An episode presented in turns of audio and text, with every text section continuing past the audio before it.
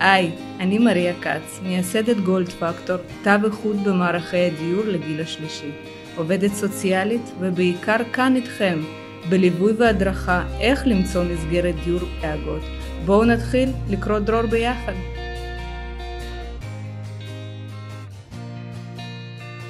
אז איך לדעת מהו הפתרון הדיור הנכון והמתאים ביותר לאנשים הקרובים לנו, להורים שלנו, ליקירינו שמגיעים לגיל הזקנה? ולמה בכלל חשוב להכיר אילו פתרונות דיור יש ואיזה שירותים הם נותנים. אז משפחות יקרות, אזרחים ותיקים אהובים,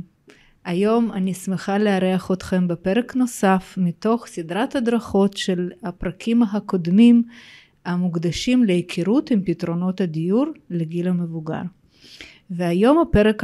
הנוכחי מוקדש לפתרון דיור לאנשים המתמודדים עם דמנציה. אני פחות אה, אוהבת אה, להשתמש בהגדרה, במונח ככה באמת אה, לדעתי קצת חותך מחלקה לתשושי נפש, אבל בשביל ככה באמת שתבינו למה הכוונה כשאנחנו נדבר היום ונכיר את הפתרון דיור הזה כשאני מדברת על מחלקה מוגנת לאנשים מתמודדים עם דמנציה מתוך הפתרונות הדיור הקיימים אה, אה, אני מתייחסת למחלקה לתשושי נפש. אז אה, כמו בפרק הקודם שהיה מוקדש לפתרונות דיור סיעודי אנחנו גם בפרק הזה נצלול קצת לעוד פעם הבנה של התפיסה התפיסה ה... לפי מודל הרפואי מבחינת הרגולציה, מי מפקח על פתרונות הדיור האלה אה, ומתוך זה כמובן אה, אחרי ההבנה הזאת אנחנו אה, נפרט את השירותים, את, ה... את ה... הדיור עצמו, את הערך שלו ואת המגבלות שלו. אז מהו דיור לאנשים שמתמודדים עם דמנציה? לפני זה אנחנו נבין בכלל למה הכוונה אה, אה, אנשים שמתמודדים עם דמנציה שמותאמים ספציפי לעבור להתגורר במחלקות המותאמות בדיור המותאם אה, לצורך הזה לצורך הזה של ההתמודדות עם המחלת הדמנציה. אז אם אנחנו בפרק הקודם דיברנו על דיור סיעודי והתייחסנו לזה שמחלקה שנותנת שירותים לאנשים שהצרכים שלהם הם סיעודיים היום אנחנו בעצם מדברים על הצורך העיקרי מבחינת המענה של הדיור המותאם הצורך העיקרי זו בעצם לא הניידות והתפקוד הסיעודי אלא אה, מהיבט הצרכים התפקודיים והשגרת יום יום שבעצם נובעת מתוך הצורך במענה כירידה אה, קוגניטיבית, אוקיי? שבא לידי ביטוי אה, מתוך הבחנה של מחלת הדמנציה, אלצהיימר, זה יכול להיות עוד משהו שמתלבש אה, כמשני למחלת אה, איזושהי התמודדות מחלת נפש שכתוצאה מזה התפתחה גם כן הנמכה ירידה קוגניטיבית שבסופו של דבר מבחינת הצרכים של אדם המבוגר הוא צריך בעיקר בעיקר השגחה במהלך היום וגם במהלך הלילה. בדרך כלל זה תמיד 24/7 לא כצורך שמישהו יחזיק לו את היד אלא כמשהו שמגן עליו אה, מתוך אה, פגיעה בשיפוטיות, בהתמצאות בזמן, התמצאות במקום אה, ולכן בעצם הצורך אם אנחנו מדברים על מסגרת מותאמת עבור האנשים שמתמודדים עם ירידה קוגניטיבית כלומר שזקוקים כבר ל-24/7 השגחה אנחנו מדברים על סביבת דיור מוגנת עבורם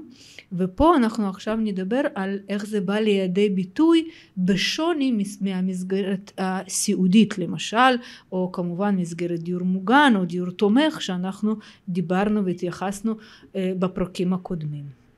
אז אה, לפני הכל נבין אה, מהי ההגדרה של אדם המתמודד עם דמנציה שמותאם למחלקה מוגנת? כלומר אותה הגדרה תשוש נפש. אז לפני הכל חשוב מאוד להבין שההגדרה אה, תשוש נפש היא ניתנת כמובן אך ורק על ידי רופא מומחה אה, לגריאטריה שזה יכול להיות גריאטר זה יכול להיות פסיכוגריאטר אה, שבעצם ההגדרה הזאת היא, היא בכלל כטרמינולוגיה נכתבת במקרים כשאנחנו מדברים כשמשפחה פונה להערכה גריאטרית אה, אנחנו הרבה פעמים בהערכות יכולים לראות שבאמת כתוב הבן אדם מאובחן עם דמנציה זקוק ל-24/7 השגחה אה, מבחן מינימנטל שזה בדרך כלל כתוב MMSE או מבחן מוקה שזה מבחני כלים בעצם אה, שעושה אה, כלים שעוזרים לגריאטר או לפעמים מי שעושה את זה זה מרפאים בעיסוק אה, מרפאה בעיסוק בעצם לראות ולדייק את רמת ההתמצאות ושיפוט והתמצאות במקום בדרך כלל אנחנו יכולים לפנות לגורם הרפואי הזה ולא לראות הגדרת תשוש נפש. כלומר כן הוא כותב בן אדם אה, עם ירידה קוגניטיבית זקוק להשגחה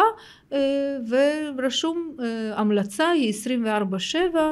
להיות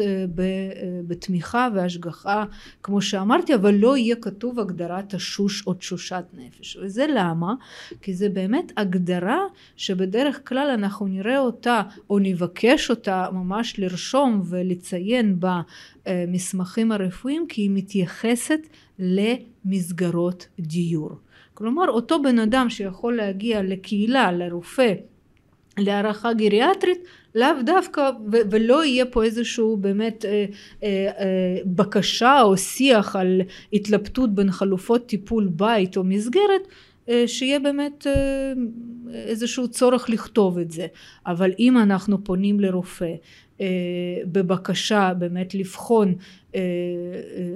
אה, חלופה טיפולית לבית למסגרת בהחלט פה אנחנו נראה את ההגדרה הזאת תשוש נפש או תשושת נפש. ופה חשוב לי שנייה לעצור ולדייק עם ההגדרה הזאת שהיא באמת מאוד ככה חותכת את האוזן. אנחנו לא מתייחסים פה בהגדרה הזאת של חלילה כי מחלת נפש או חולה נפש עם הצמד הזה תשוש ונפש אלא עקב התשישות נפשו של אדם המבוגר אה, אה, בעצם כתוצאה כלומר שגורמת לו לבוחן מציאות לקוי לירידה קוגניטיבית אה, בלבול, לפעמים זה כבר מגיע כתוצאה ממחלת הדמנציה לזה שהם לא מכירים את הסביבה הקרובה, מזה בעצם האינטרפריטציה של המונח הזה שהוא כבר אה, תשוש בנפשו, אוקיי? אז זה בעצם ההגדרה היבשה שמיועדת אה, אה, אה, לסידור של פתרון דיור מוסדי מחוץ לבית. ופה ליד, בעצם בא לידי ביטוי הרבה פעמים משפחות באות ואומרות אבל מריה הוא מוגדר תשוש נפש אבל מה זאת אומרת הוא לא מתאים למחלקה סיעודית? אמא נכון שהיא לא מתמצה היא כבר לא מכירה אותנו ויש לה דמנציה אבל היא צריכה עזרה סיעודית. וזה חשוב פה להבין. אה, הבן אדם שבעצם מקבל אה, הגדרה הזאת המונח הזה שבעצם אה, מיועד להתאמת מסגרת במחלקה המוגנת לתשושי נפש ודאי שהוא אה, יקבל את כל המענה במסגרת הדיור הזה אם זה עזרה בהלבשה עזרה במקלחת הנגשת אוכל אה, אה, כמובן מענה רפואי וסיעודי ודאי. רק איפה בא לידי ביטוי המילה הזה של ההפרדה לא הפרדה השוני בין שירות ומענה של דיור סיעודי ודיור לאנשים שבעצם מוגדרים אה, כמתמודדים עם דמנציה תשושי נפש שזה בעצם עיקר ההפרדה של הדיור הזה בא לידי ביטוי ביכולת הניידות מה הכוונה? גם בן אדם שהוא שהוא בעצם מתמודד עם ירידה קוגניטיבית, עם הבחנה של דמנציה, אה, לא מתמצא בזמן או במקום אבל הוא גם לא יכול להתנייד בכוחות עצמו וההליכה שלו לא פונקציונלית יש ריבוי נפילות הוא מתנייד בכיסא גלגלים אז מבחינת התאמה למסגרת הדיור בעצם הוא יהיה מתאים לשירות של הדיור הסיעודי גם עם זה שהוא בעצם בגדול מוגדר כתשוש נפש, הכוונה לא מתמצא בזמן ובמקום, אבל מבחינת התאמת המסגרת הדיור הראשוני הוא הניידות. לכן הוא יהיה מתאים לקבל את השירותים במסגרת הדיור הסיעודי. כשאנחנו מדברים על ההגדרה של מתמודד עם דמנציה תשוש נפש, הכוונה פה בהתאמת מסגרת איפה שאנשים מתהלכים בכוחות עצמם או בעזרה של הליכון או בעזרה של מקל אבל ההליכה שלהם היא פונקציונלית כלומר הם לא זקוקים לניידות בעזרת כיסא גלגלים. אז זה בעצם ההפרדה מבחינת אה, אה, אה, אה, מישהו שהוא מתאים לדיור סיעודי ויש לו ירידה קוגניטיבית ומי מתאים למחלקה מוגנת ולא זקוק לכיסא גלגלים. עכשיו אה, מי נותן את ה... אני רק רוצה אה, באמת לדייק את זה, מי רשאי לתת את ההגדרה הזאת של התשוש נפש זה באמת רק סקטור הרפואי, זה רופא מומחה לגריאטריה, פסיכוגריאטריה, לפעמים יש גם נירולוג או פסיכיאטר שמלווה את אותו האדם ויש לו התמחות גם בגריאטריה, הם יכולים לרשום את ההגדרה הזאת, מעבר לזה בעצם אה, בוא נגיד רופא משפחה רגיל בפנייה לרופא משפחה בקהילה הוא לא יכול לרשום לרשום אה, גם אם הוא מלווה את האנשים בקהילה ומבין שיש ירידה קוגניטיבית ואבחנות והכל אבל זה רק באמת המערך הגריאטריה. אה, אה, בעצם רשאי לתת את ההגדרה של ה-24/7 ואת השוש נפש שגם הוא גם הסקטור הזה של הרופא של הגריאטר הוא גם זה שנותן בסופו של דבר ההמלצה למינוי אה, אפוטרופוס אה, כתוצאה מזה שהוא רואה שהבוחן מציאות ויכולת השיפוט נפגעה כתוצאה מהמחלה שפוגעת בקוגניציה אה, למינוי אפוטרופוס גוף או רכוש או ביחד או להפעלת ייפוי כוח מתמשך מי שעשה בעצם ייפוי כוח מתמשך. עכשיו בואו נדבר באמת על המענה של המסגרת לתשושי נפש, אני מדברת על, על מחלקה מוגנת. אז מבחינה רגולטורית, אם אנחנו מתייחסים בעצם מבחינת הפיקוח, מבחינת התפיסה, מבחינת הזכויות גם להשתתפות במימון אותם המסגרות, אז כמו שדיברנו בפרק הקודם, זה משתייך לאגף הגריאטריה של משרד הבריאות, כי שוב, לא ביטוח לאומי, לא משרד הרווחה, לא קופות חולים, זה בעצם אותה קורת גג הגריאטריה של משרד הבריאות שמפעילה מבחינת הרישיון, פיקוח והשתתפות במימון שני סוגי פתרונות הדיור שזה דיור הסיעודי ודיור לתשושי נפש במסגרת מחלקות המוגנות. אז בעצם שני הפתרונות העיקריים שיש והם גם עיקריים בכלל בתחום מערכי דיור בארץ זה באמת דיור סיעודי ודיור לתשושי נפש. אז מאחר וגם זה, מש, זה שני הפתרונות המערכי דיור האלה בהשתייכות למשרד הבריאות עכשיו אנחנו באמת ככה נראה גם בפועל מתוך מערכי דיור הקיימים בישראל ב-99 אחוז אותם המסגרות בתי אבות הסיעודיים, מרכזים גריאטריים, אה, מקומות שנותנים את השירות הסיעודי, דיור סיעודי, אנחנו נראה שבתוך המערכי דיור האלה יש את המערך של המחלקה מוגנת, אוקיי? ולא הפוך. מה הכוונה? אה, במרבית הדיורים הסיעודיים יהיה גם רצף הטיפולי למחלקה מוגנת, כלומר שזה בעצם רצפים, מי שנכנס עם שמירה על הניידות כתשוש נפש, כמתמודד עם דמנציה, הוא יכול אחרי זה גם להפוך לסיעודי ואז יש גם דיור סיעודי, או לפעמים גם הפוך. אה, זה פחות אה, בא לידי ביטוי באמת בשטח כבר מי שכבר אה, סיעודי לא הרבה פעמים באמת רואים שהיכולת הניידות שלו משתפרת עד כדי הליכה פונקציונלית אבל אה, מה הכוונה? שחשוב להבין ששני הסוגי פתרונות האלה יהיו באותם המתחמים של בתי אבות הסיעודיים אה, בתי חולים גריאטריים אה, ופחות משמעותי יבואו לידי ביטוי כמענה בתוך הדיורים המוגנים שאנחנו דיברנו בפרקים הקודמים שדיור סיעודי מחלקה סיעודית אנחנו כן יכולים לפגוש בכמעט רוב הדיורים המוגנים בארץ מה שאנחנו לא נראה מבחינת המענה של מחלקה מוגנת בתוך הדיור המוגן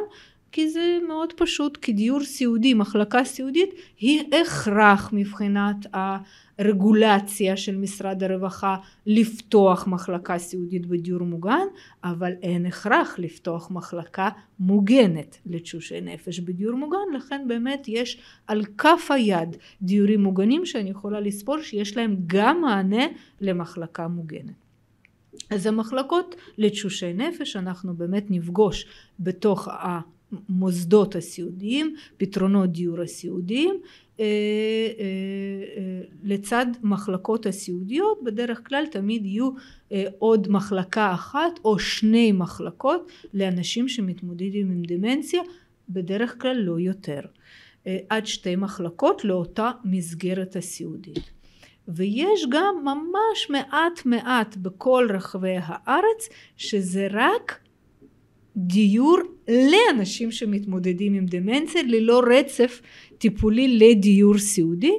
אה, וזה באמת משהו שהוא מאוד אה,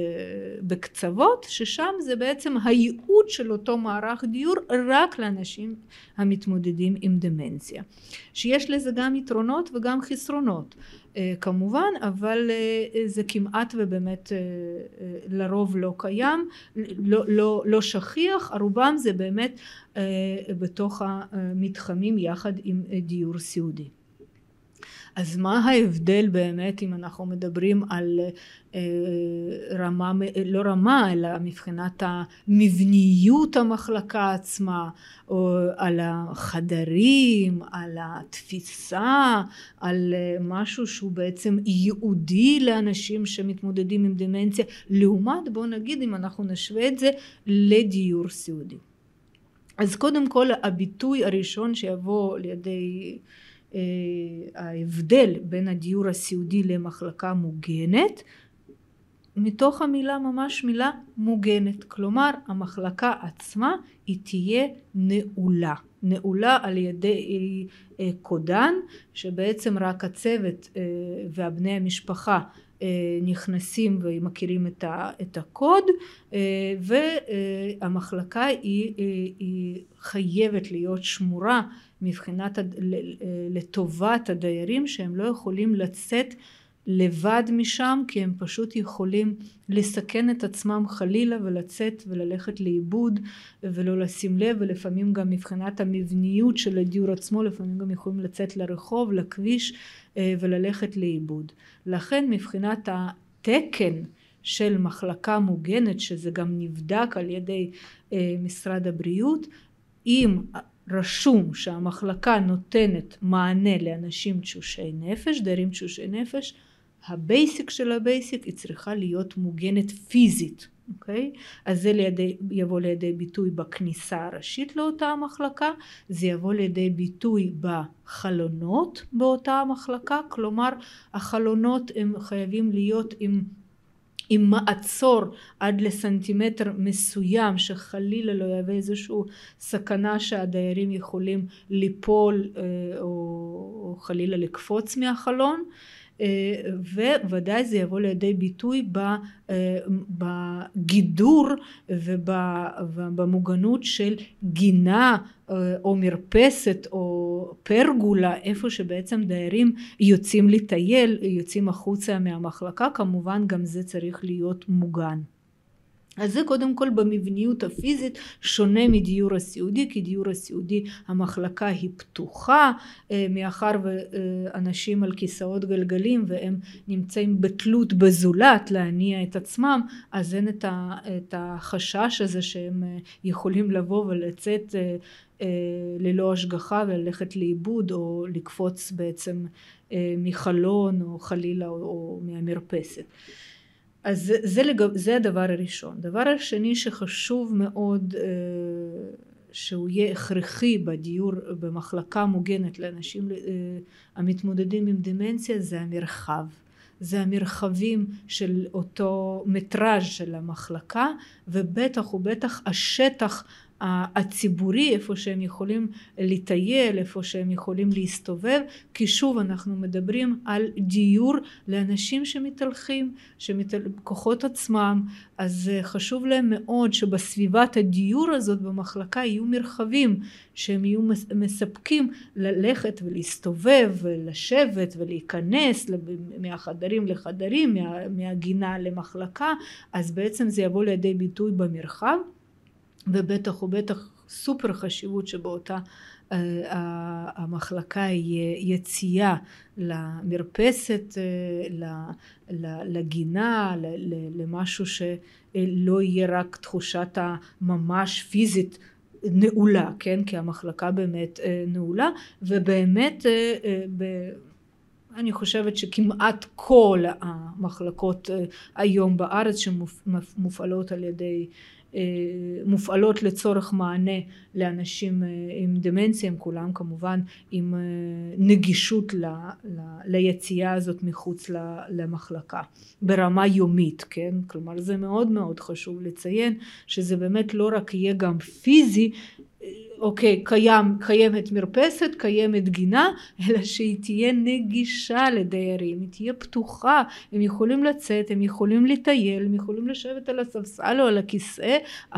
ושזה יהיה נגיש להם, כי זה אנשים שבטח או בטח, אנשים שמתמודדים עם דמנציה, הרבה פעמים השינויי ההתנהגות, ההתבטאות, הנוכחות המחלה הזאת תבוא לידי ביטוי באי שקט. והרבה פעמים באי שקט פסיכומוטורי זה אומר שהם לא יכולים לשבת הרבה זמן באותו מקום הם מסתובבים הם רוצים הם, הם חייבים להיות בתנועה. אז בטח סביבת הדיור צריכה לבוא לידי ביטוי גם מבחינה פיזית לאפשר להם את זה אה, מבחינת איך שהיא בנויה עכשיו נדבר על העניין של החדרים, האם בא לידי ביטוי הבדל בחדרים, במבניות שלהם אל מול למשל דיור סיעודי, כן? אני משווה את זה כי זה שוב, כמו שאני אומרת, זה שני מערכי דיור שגם משתייכים למשרד הבריאות וזה גם השני מערכי דיור הרווחים ביותר מבחינת הצורך אה, לאנשים שבעצם אה, אה, מחליפים את החלופת טיפול בבית למסגרת, אז מבחינת החדרים אותם חדרים בדיוק אנחנו נפגוש את אותם החדרים במחלקה מוגנת בדיוק כמו שאנחנו נראה במחלקות הסיעודיות. אה, לפעמים זה ממש ברמה של copy paste כי שוב אני אומרת מרבית המחלקות אפשר להגיד אפילו כל המחלקות לתשושי נפש הם באותם מתחמים של מרכזי סיעוד, בתי אבות הסיעודיים, אז כמו שבונים מחלקה לדיירים במצב סיעודי, יבנו בדיוק את אותה המחלקה לאנשים הם אה, מתמודדים עם דמנציה, ההבדל שיבוא לידי ביטוי זה בדרך כלל בקומות, כלומר מתוך ההתחשבות שדיירים אה, עם ניידות שמורה צריכים לצאת לגינה, לקומת קרקע ואיך אה, לגדר בעצם את אותו השטח, אז המחלקה תהיה בדרך כלל בקומות הראשונות, מבחינת החדרים זה יהיו אותם חדרים, וכן כמובן אנחנו נראה את ההתייחסות כמו שאני אומרת לשמירה על המרחב על פתיחת החלונות. עוד נוסף חשוב, עוד דבר נוסף שיבוא לידי ביטוי, כן בשוני מדיור הסיעודי זה שאם אנחנו דיברנו שבדיור הסיעודי איך שהוא נבנה פעם זה באמת היה הפרדה על ידי וילון. היום כבר באמת בונים יותר מתוך איזשהו משהו מובנה כמו איזשהו פרגוד מובנה של לשמר על הפרטיות בין הדיירים שהם בעצם שכנים לאותו חדר. בדיור לתשושי נפש אנחנו לא נראה בעצם וילונות הפרדה גם כן מתוך התקינה מתוך ה... מתוך ה איך שבעצם תקניות המחלקה צריכה להיות מבחינת משרד הבריאות חלילה לא לסכן את הדייר משהו לעשות עם הווילון לא יודעת מה שזה חלילה גם לא יכול לשמש עבורם כחבל או משהו לעשות עם זה. קרו מקרים וכל זה כמובן נכתב מתוך הניסיון פה במקרים האלה ניסיון מר. אז אין אז באותם המבנים במחלקה המוגנת שנבנו פעם ללא כבר התפיסה החדשה לבנות את המחיצה הזאת אנחנו בעצם נראה, נראה מיטה ומיטה. כלומר שיכול אולי להפריד ביניהם ארון או שידה אבל ללא וילון. ולגבי המספר האנשים בחדר אנחנו מדברים על שני אנשים בחדר. אנחנו לא נפגוש מחלקות לדיור לתשושי נפש לשלושה אנשים בחדר אז זה, יהיה, אז זה בעצם חדרים לשני אנשים בדיוק כמו בדיור הסיעודי והאפשרות לבחור חדר לבד זה גם כן כמו שאנחנו דיברנו על זה זה בעצם להוציא את המיטה של, שמיועדת לשותף או שותפה ולהפוך את זה לחדר לבד שזה יבוא לידי ביטוי כמעט כפול במחיר. ו... כן עם התפיסות החדשניות שרואות היום יותר את האג'נדה של בית וטולרנטיות ו, ו, ותחושת באמת הפחות המוסדית וה, והמודל הרפואי אז כן כבר כמו שדיברנו גם בדיור הסיעודי גם בדיור במחלקות המוגנות זה יבוא לידי ביטוי ובא לידי ביטוי כבר בבנייה של גם חדרים פרטיים עכשיו בנוגע לשוב אנחנו חוזרים להשתייכות רגולטורית של משרד הבריאות אז כמו דיור הסיעודי גם במחלקה מוגנת לאנשים שבעצם מתמודדים עם דמנציה מימוש הזכות שלהם אל מול משרד הבריאות להשתתפות במימון תבוא גם כן לידי ביטוי על ידי קוד רק הוא לא יהיה קוד סיעודי הוא יהיה קוד לתשושי נפש. כלומר זה אותו הסל תמחור האשפוז החודשי במסגרת הדיור רק לא דיור הסיעודית אלא דיור לתשושי נפש עכשיו להרבה פעמים שואלים אותי אז מה יותר יקר סיעודי או תשושי נפש מבית התעריף אשפוז הסל איך שבעצם מתמחר אותו משרד הבריאות אולי חלקכם יופתעו לשמוע אבל דיור לתשושי נפש מתומחר טיפלה יותר יקר מדיור הסיעודי. באמת לא סכומים אפילו לא בהבדלים של אלף או אלפי שקלים אנחנו מדברים פה באמת על יחסית הבדל מינורי אבל דיור לתשושי נפש מבחינת הקוד הוא טיפה טיפה יותר גבוה מהדיור הסיעודי. עכשיו וכמובן את אותה הזכות להשתתפות לזכאים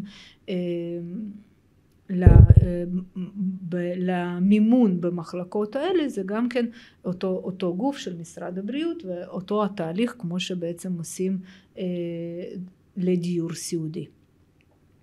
עכשיו אה, אז מה השירות? מה הערך? מה, מה הייחודיות? אה, מה, מה מצפה לאנשים שמתמודדים עם דמנציה ולבני משפחתם כמובן לקבל כשירות במחלקה מוגנת. אז בואו נתחיל בעצם קודם כל מבחינת הסקטורים הרפואיים האנשי צוות שנותנים את השירות במסגרת מחלקה מוגנת ואנחנו שוב מדברים קודם כל גם כתפיסה שמודל הרפואי שהיא תחת המטריה של משרד הבריאות אז אנחנו גם כאן מתייחסים בעצם לתפיסה לאג'נדה של אשפוז חולים כרוניים במסגרת הדיור למחלקה מוגנת לתשושי נפש ולכן כמובן נתחיל את המבניות של השירותים היא מתחילה במענה רפואי. מה זה מענה רפואי? בדיוק כמו שאנחנו נפגוש ושוחחנו על זה בפרק הקודם על ידי רופא שנמצא אה, מרבית השעות אה, במהלך היום אה, שזה כמו שזה רופא משפחה כמו בקהילה ובוודאי וודאי אנחנו מדברים על מנהל הרפואי במחלקה מוגנת בדיוק כמו במחלקות הסיעודיות בדיור הסיעודי שהוא המומחה לגריאטריה או פסיכוגריאטריה שבטח ובטח כשאנחנו מתייחסים על דיור לאנשים המתמודדים עם דמנציה אז בטח שהגריאטר או פסיכוגריאטר אה, הוא פה אה, נדבך מאוד מאוד חשוב בדיוק כמענה לכל העניין של האיזון התרופתי אה, שינויי התנהגות כתוצאה מהמחלה התקפים לפעמים פסיכוטיים ולפעמים התקפים שבאים לידי ביטוי על ידי אלימות אז בטח פה המענה של הנוכחות ומעקב והיכרות ממש עם, עם המינונים עם התרופות ואיך זה משפיע אה, על ידי הנוכחות של אה, אה, פסיכוגריאטר או גריאטר במחלקות המוגנות היא, היא קריטית והרבה פעמים היא גם ההחלטה והערך בעצם לעבור למסגרת הזאת בשביל הנגישות כן להיות במעקב כל הזמן של רופא גריאטרי אחרי הסקטור הרפואי כמובן אנחנו מדברים על הסקטור הסיעודי ואני מדברת עוד פעם על הסקטור החשוב כנדבך העיקרי במענה של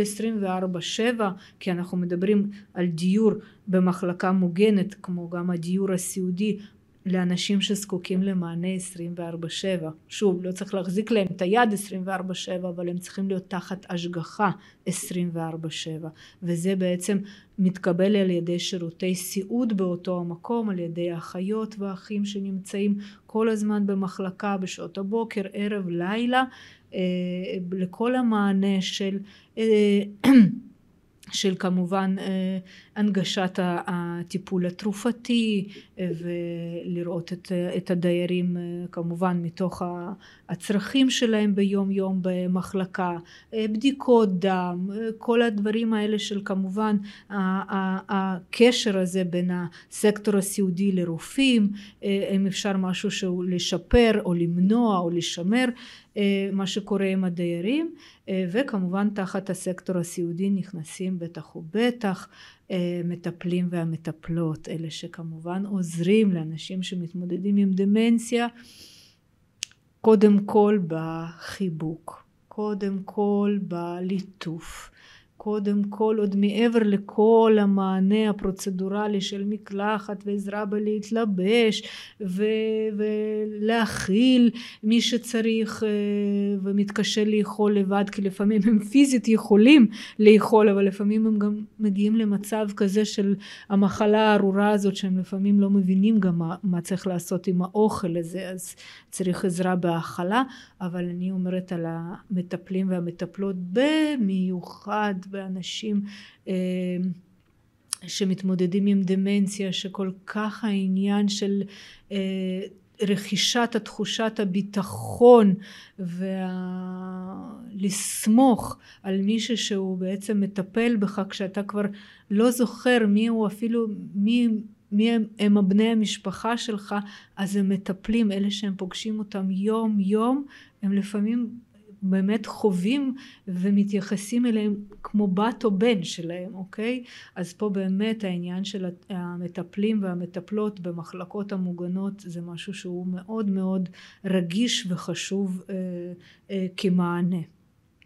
ובאמת אחד המגבלות והאתגרים כשאנחנו נדבר על העניין הזה של נתייחס על המגבלות במחלקות לאנשים עם דמנציה זה העניין הזה של התחלופה של הצוות המטפל שזה גם כן בא מכל כך אה, מחסור של המטפלים כמו בקהילה וגם במסגרות אבל בטח ובטח אנשים עם דמנציה הקביעות השגרה החזר, החזרה ובטח לראות כל הזמן את אותם הפנים היא כל כך כל כך קריטית וזה, לידי, וזה באמת אתגר מאוד גדול וקושי גדול העניין הזה שזה התחלופה של המטפלים אה, במחלקות האלה. ושאר הצוות כמובן הסקטור הפארה-רפואי שבא לידי ביטוי בדיוק כמו בדיור הסיעודי זה הסקטור הפיזיותרפיה סקטור ריפוי בעיסוק אה, תזונאית אה, קלינאית תקשורת העובדת סוציאלית ודאי וודאי ואתם בטח שואלים אותי אבל אם בן אדם מתנייד בכוחות עצמו והוא לא סיעודי אז למה צריך פיזיותרפיה גם פה גם בדיור אה, לאנשים אה, אה, תשושי נפש מתמודדים עם דמנציה גם בא לידי ביטוי המענה של פיזיותרפיה. שוב על העניין של יציבות בהליכה מניעת נפילות כל זה כמובן חשוב אולי פחות בא לידי ביטוי כמו אנשים שהם עברו אחרי שיקום, אחרי נפילות, אחרי בעצם אירועים והפכו להיות אה, רתוקי כיסא גלגלים, אבל אה, יותר פה כאן בא לידי ביטוי הסקטור הפיזיותרפיה כשימור ומניעה בשביל להמשיך ולשמר את היכולת הניידות אבל בעיקר בעיקר גם ביחד עם ריפוי בעיסוק זה למנוע נפילות ועניין של אה, אה, תעסוקה, אוקיי? הסקטור הריפוי בעיסוק והעובדות התעסוקה זה באמת באמת אחד הערכים והיתרונות הגדולים ביותר אה, שבאים לידי ביטוי כשירות עבור הדיירים שגרים במחלקות המוגנות במיוחד במיוחד לאנשים שמתמודדים עם דמנציה כי אנחנו שוב אומרים אה, ושוב אה, מציינים שגם בקהילה בטח שיש את המענה על ידי מרכזי יום אה, ומרכזי יום מיוחדים לאנשים שמתמודדים עם דמנציה מרכז יום לתשושי נפש בעצם אה, ואפשר לרדת לאיזשהו מועדון או קאנטרי אה, או אפילו לאותו בית קפה אה, מבחינת לשמר על הגירויים ואינטראקציות חברתיות לאנשים שמתמודדים עם דמנציה אבל זה הרבה מאוד בא לידי ביטוי בקושי רב באמת ליישם את זה בקהילה, אוקיי? אה, כתוצאה מזה שזה נגישות, זה צריך לאסוף את הכוחות ואת המצב רוח ובאמת שזה יהיה מספיק מתאים מבית כל האלמנטים של העובד זר, עובדת זרה ובן אדם ואז באמת זה בא לידי ביטוי בקושי באמת ליישם את זה בצורה של שגרה ו... ברגע שזה מתקיים במסגרת הדיור אה, כל יום בבוקר אחר הצהריים יש לפעמים יש גם מסגרות לדיור אה, לתשושי נפש שיש להם תעסוקה מובנית במהלך כל היום מבוקר עד הערב שזה אה, כאחד הכלים הטיפוליים שלהם איך שהם רואים את זה באותה המסגרת אז זה באמת ערך מאוד מאוד גדול כי אה, ברגע שזה כבר קיים ומתקיים מתוך השגרה ואם אני אפילו לא, לא, לא השתתפתי בבית ולא רציתי ללכת להשתתף או ללכת למרכז יום אבל ברגע שאני רואה מולי כמודלינג שאחרים משתתפים ויש מעגלים וטיפה גם מדרבנים אותי אז יכול להיות שבוע שבועיים אני ככה אשב בצד או אלך לחדר אבל אחרי זה לאט לאט הם מתחילים להשתתף ברמה יומית וזה כמובן חלק מאוד מאוד חשוב באיכות החיים ורווחת החיים לאנשים שמתמודדים עם דמנציה וזה גם הרבה פעמים יכול לבוא לידי ביטוי גם כמענה לרוגע ולעיסוק על מנת לפנות אה, למינונים תרופתיים למשל כן אה, במחלה הזאת. אז דיברנו על השירותים העיקריים בעלי ערך אה, הניתנים לאנשים המתמודדים עם דמנציה במחלקה המוגנת שזה בעיקר מתייחס לנגישות רפואית, לניטור רפואי, בעיקר מה שקשור לאיזון על ידי גריאטר שהוא מאוד נגיש להתייעץ איתו והוא עובר על המעקב של הדיירים במחלקות המוגנות אה, וכמובן אה, הערך המרכזי ככה משמעותי אה, בחיים במחלקה מוגנת זה ודאי כמו שדיברנו זה השגרה של התעסוקה בבוקר בערב לדרבון לגירוי חושים וכמובן ליחסים ולאינטראקציה חברתית עכשיו אני רוצה קצת לדבר גם על המגבלות שיש במעבר למסגרת במחלקה המוגנת ואני אתחיל באתגר התפיסתי ככה אני אגיד את זה כשפונים אליי המשפחות אה, בחיפוש אה, מסגרת אה, מתאימה עבור הוריהם, עבור יקיריהם והרבה פעמים לרוב, לרוב אני נתקלת כמובן בקושי, באתגר מצד המשפחה כשהם הולכים לסייר, לבחור מבין המקומות אז ככה באמת הדבר העיקרי שעולה זה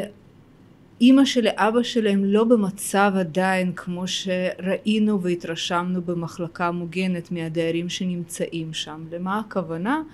שאימא שלי עדיין ורבלית, היא מתקשרת, היא מודעת, אבא שלי מודע, הוא ישר יבוא ויגיד שהכנסתם אותי למקום של חולי נפש, הרבה פעמים אנחנו שומעים את המונח הזה ככה אינטואטיבי שיכול לעלות כשהולכים לסיור במחלקות לאנשים שמתמודדים עם דמנציה. ופה חשוב להתייחס באמת לאתגרים למגבלות אה, שבעת קבלת ההחלטה לגבי המעבר למסגרת. אה, ברגע שיש הבחנה אה, גריאטרית שהבן אדם זקוק להשגחה 24/7 לא מתמצא בזמן לא מתמצא במקום היכולות של הבן אדם שמתמודד עם דמנציה הן יכולות להיות אה, כמובן אינדיבידואליות זה ברור אבל על פי הרצף של הנוכחות המחלה שבאה לידי ביטוי במהלך היום. אה, יש, יש ביטויי מחלה כבר שאנשים באמת כבר פחות מתקשרים פחות ורבליים אפילו לא מזהים כבר את הסביבה הקרובה ואת האנשים הכי קרובים אליהם. אה, ובאמת הם כבר הרבה יותר פשוט תגובתיים אם רק פונים אליהם אוקיי? ויש נוכחות המחלה שנכון בן אדם צריך השגחה הוא צריך ליווי הוא מבולבל הוא יכול ללכת לאיבוד אה, אבל יחד עם זאת המודעות שלו עדיין לעצמו למרחב לסביבה הקרובה לזיהוי אה, בני משפחה ואנשים קרובים אלו היא עדיין שמורה. ולכן בעצם אה, בהחלט כשבאים לבחור מחלקה מוגנת זה ככה מאוד נוכח ישר בסיור אבל אימא שלי אבא שלי לא כאלה. ואיך בעצם זה בא לידי ביטוי מבחינת המענה או ההפך מגבלה במסגרות למחלקות אה, לאנשים שמתמודדים עם דמנציה? בעצם שאי אפשר לעשות בעת, אה, סיווג או הפרדה למישהו שהוא מאובחן עם ההגדרה הזאת תשוש נפש אה, שיש יותר צלולים, יש פחות צלולים, יש אנשים יותר אה, מתקשרים, יש אנשים שכבר אה, רק תגובתיים בלבד, אין את היכולת הזאת להפריד מאחר וזה דברים באמת פרמטרים מאוד רכים וזה גם משהו שהוא מאוד משתנה על פני הזמן היום בן אדם יותר ורבלי יותר מודע ואחרי חודש חודשיים חצי שנה המחלה נותנת את, את איתותיה וכבר בן אדם פחות מזהה. אז לא ניתן בעצם במסגרות האלה לעשות איזושהי הפרדה או סיווג קוגניטיבי. ולכן כשאנחנו מדברים על האופציות של פתרונות דיור לאנשים עם דמנציה הדיירים יהיו שם על פני רצפים שונים. אה, יהיו אנשים יותר תקשורתיים, יותר מודעים, יותר מבינים ויהיו אה, אנשים כבר שהמחלה היא משמעותית יותר נוכחת ואז זה בא לידי ביטוי שהם פחות מזהים, פחות מדברים ופחות מבינים את הכאן ועכשיו. אה, איך פותרים את האתגר הזה במסגרות דיור אה, הצוות כמובן אחרי שהוא מכיר את הדייר או דיירת חדשים הוא מנסה אה, אה, לארגן את הסביבה הכי קרובה מבחינת הדיירים כמו למשל מתי האינטראקציות המשמעותיות יש בין הדיירים במחלקה מוגנת. בזמן הארוחות שיש חמש ארוחות במהלך היום. אז הושבה בשולחן יחד עם דיירים שהם יהיו יותר דומים מבחינת היכולות הקוגניטיביות שלהם. בהתאמה של השכן או שכנה לחדר לפי רמת האינטראקציה לפי רמה התקשורת ביניהם בהשתדלות כמובן שזה גם מתאים כי כל שינוי גם של הזזה מחדר מהסביבה הקרובה משפיע על אנשים שמתמודדים עם ירידה קוגניטיבית איפה זה בא עוד לידי ביטוי להקל ולהתאים את הסביבה החברתית והתקשורתית במחלקה בהתאם ליכולות קוגניטיביות גם בתעסוקה כלומר גם במעגלים חברתיים או בהתאמת התעסוקה תבוא לידי ביטוי השתדלות באמת לעשות את זה או בקבוצות קטנות או להתאים תעסוקה לפי רמות הקוגניטיביות של הדיירים ויכולת השיתוף הפעולה שלהם כך בעצם אנחנו יכולים כן לראות את ההשתדלות ואת היכולת להתאים את האינטראקציות התקשורתיות בין הדיירים כשהרצף של הרמה הקוגניטיבית במחלקה המוגנת הוא שונה בין דייר לדייר. ובהחלט אני יכולה להבין ש, שזה אחד המגבלות כשמשפחה מתייחסת לזה שאימא ואבא שלי עדיין לא ברמה ירידה קוגניטיבית כל כך ניכרת כמו שהם יכולים לפגוש באמת כשהם רואים את סך הדיירים כולם שמתמודדים עם דמנציה כשהם הולכים להתרשם מהמחלקות המוגנות. איפה יכול להיות עוד למשל מענה להתאמת המסגרת כשמחפשים מסגרת מתאימה לאנשים עם דמנציה זה באמת מתוך ההיכרות שלנו שאנחנו עוסקים שנים רבות בתחום התאמת מסגרות דיור. זה פשוט מתוך השגרה לא משהו שהוא יכול להיות איזשהו להצביע על משהו נקודתי למה זה קורה בבית אבות אחד ובבית אבות השני לא. זה יש מקומות שהמחלקות המוגנות באמת יש שם דיירים רובם במחלקות במחלקה הספציפית הזאת יותר ברמה קוגניטיבית שמורה למשל לעומת בתי אבות אחרים ששם אנחנו נראה שהאחוז הגדול יותר מסך הדיירים המתגוררים במחלקה הזאת הם עם ירידה קוגניטיבית כבר משמעותית עד כדי שהם כבר פחות מתקשרים. זה כבר עניין של באמת להכיר באיזה מקומות באיזה בתי אבות יש מחלקות קצת יותר עם דיירים חזקים יותר מבחינה יכולות הקוגניטיביות ואיפה יש כבר בתים איפה שהדיירים יותר כבר המחלה נוכחת אתגר נוסף מגבלה נוספת שחשוב לקחת את זה בחשבון כששוקלים מעבר למסגרת של תשושי נפש מחלקה מוגנת זה העניין של השינוי היכולת הניידות היכולת התפקודית. למרבה הצער המחלה דמנציה מחלת אלצהיימר היא לא עומדת במקומה ולאורך זמן ולאורך השנים שבן אדם מתמודד עם דמנציה זה גם יכול הרבה פעמים להשפיע גם על ירידה בתפקוד הפיזי של האנשים והם יכולים בעצם להיות להתחלש ביכולת הניידות שלהם להיות פחות יציבים בהליכה לראות יותר נפילות בתקופות ככה בפרקים פרקי זמן קצרים ואז עקב המגבלות של המחלקות המוגנות וגם במחלקות הסיעודיות בכלל מבחינת האפשרויות למתן מענה אחד על אחד זה לא מתאפשר בבתי אבות ולכן כשהיכולת התפקודית של הדייר שנכנס למחלקה מוגנת מתהלך יציב עם הליכה פונקציונלית היכולת שלו אה, הולכת ומצטמצמת והוא צריך ממש השגחה בהליכה עזרה במעברים של כיסא מקימה, בקימה מכיסא למיטה אה, על מנת למנוע כבר נפילה ולשמר אותו מבחינת ביטחונו אה, בניידות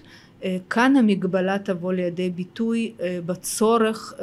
של העברה של הדייר למחלקה אחרת לחלוטין מהמחלקה איפה שהוא מתגורר וזו בעצם מעבר למחלקה סיעודית למה אני קוראת לזה ומגדירה את זה כמגבלה? מאחר והאופטימלי ביותר, כמובן בטח ובטח לאנשים שמתמודדים עם דמנציה, זה להימנע כמה שיותר משינויי מקום, שינויי סביבה המוכרת להם. אז, אז כאן השינוי הזה של המעבר, גם אם זה באותו מתחם, כלומר זה לרוב יהיה גם באותו בית, באותו בית האבות, בקומה עליונה או קומה תחתונה של המחלקה הסיעודית, אבל עדיין זה שינוי ושינוי די גדול עבור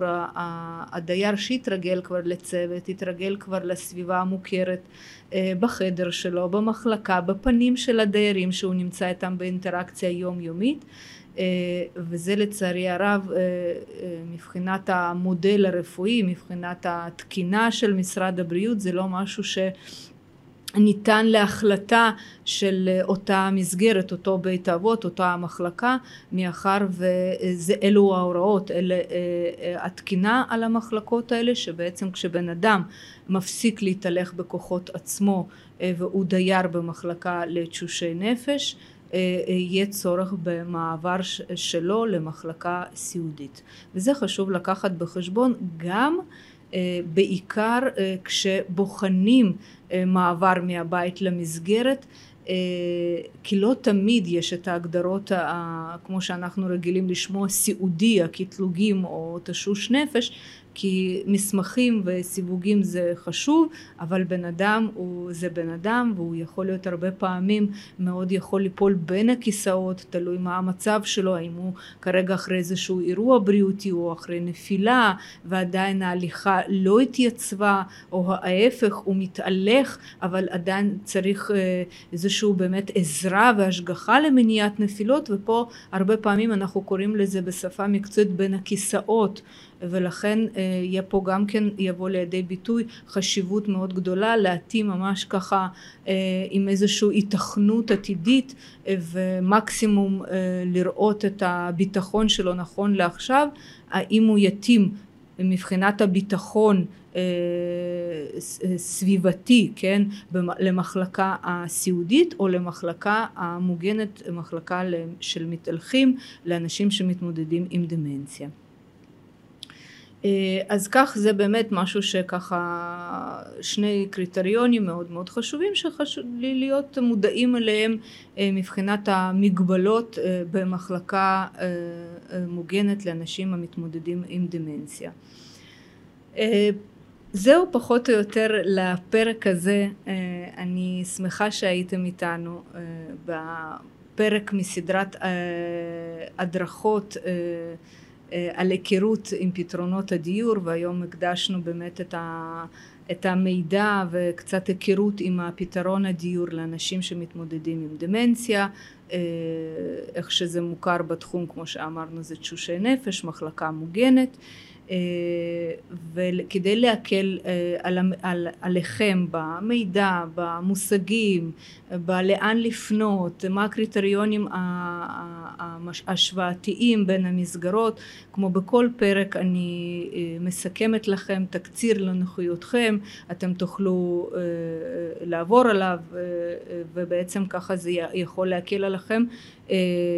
בכל המידע שאנחנו התייחסנו היום בפרק וגם בפרקים הקודמים ותודה לכם שהייתם איתנו עד כאן ועד לדרור הבא אני מאחלת לכם כמו תמיד בריאות, נחת וזקנה שלמה שלכם מריה כץ. ועד כאן, תודה שהייתם איתנו, וכמובן מי מכם רוצה או רוצה להתייעץ, יש לכם שאלה או לא יודעים מה נכון במצב שלכם, אני והצוות המומחים המופלא שלנו תמיד כאן לרשותכם. תוכלו למצוא אותנו בגוגל, פשוט תרשמו גולד פקטור או מריה כץ או תמצאו אותנו בדף פייסבוק. משפחות יקרות, ותיקים, אהובים ואהובות, היה לי לעונג להקליט לכם פרק כאן, בקוראים דרור, ועד לדרור הבא, מאחלת לכם נחת ובריאות וזקנה שלמה, שלכם מריה כץ.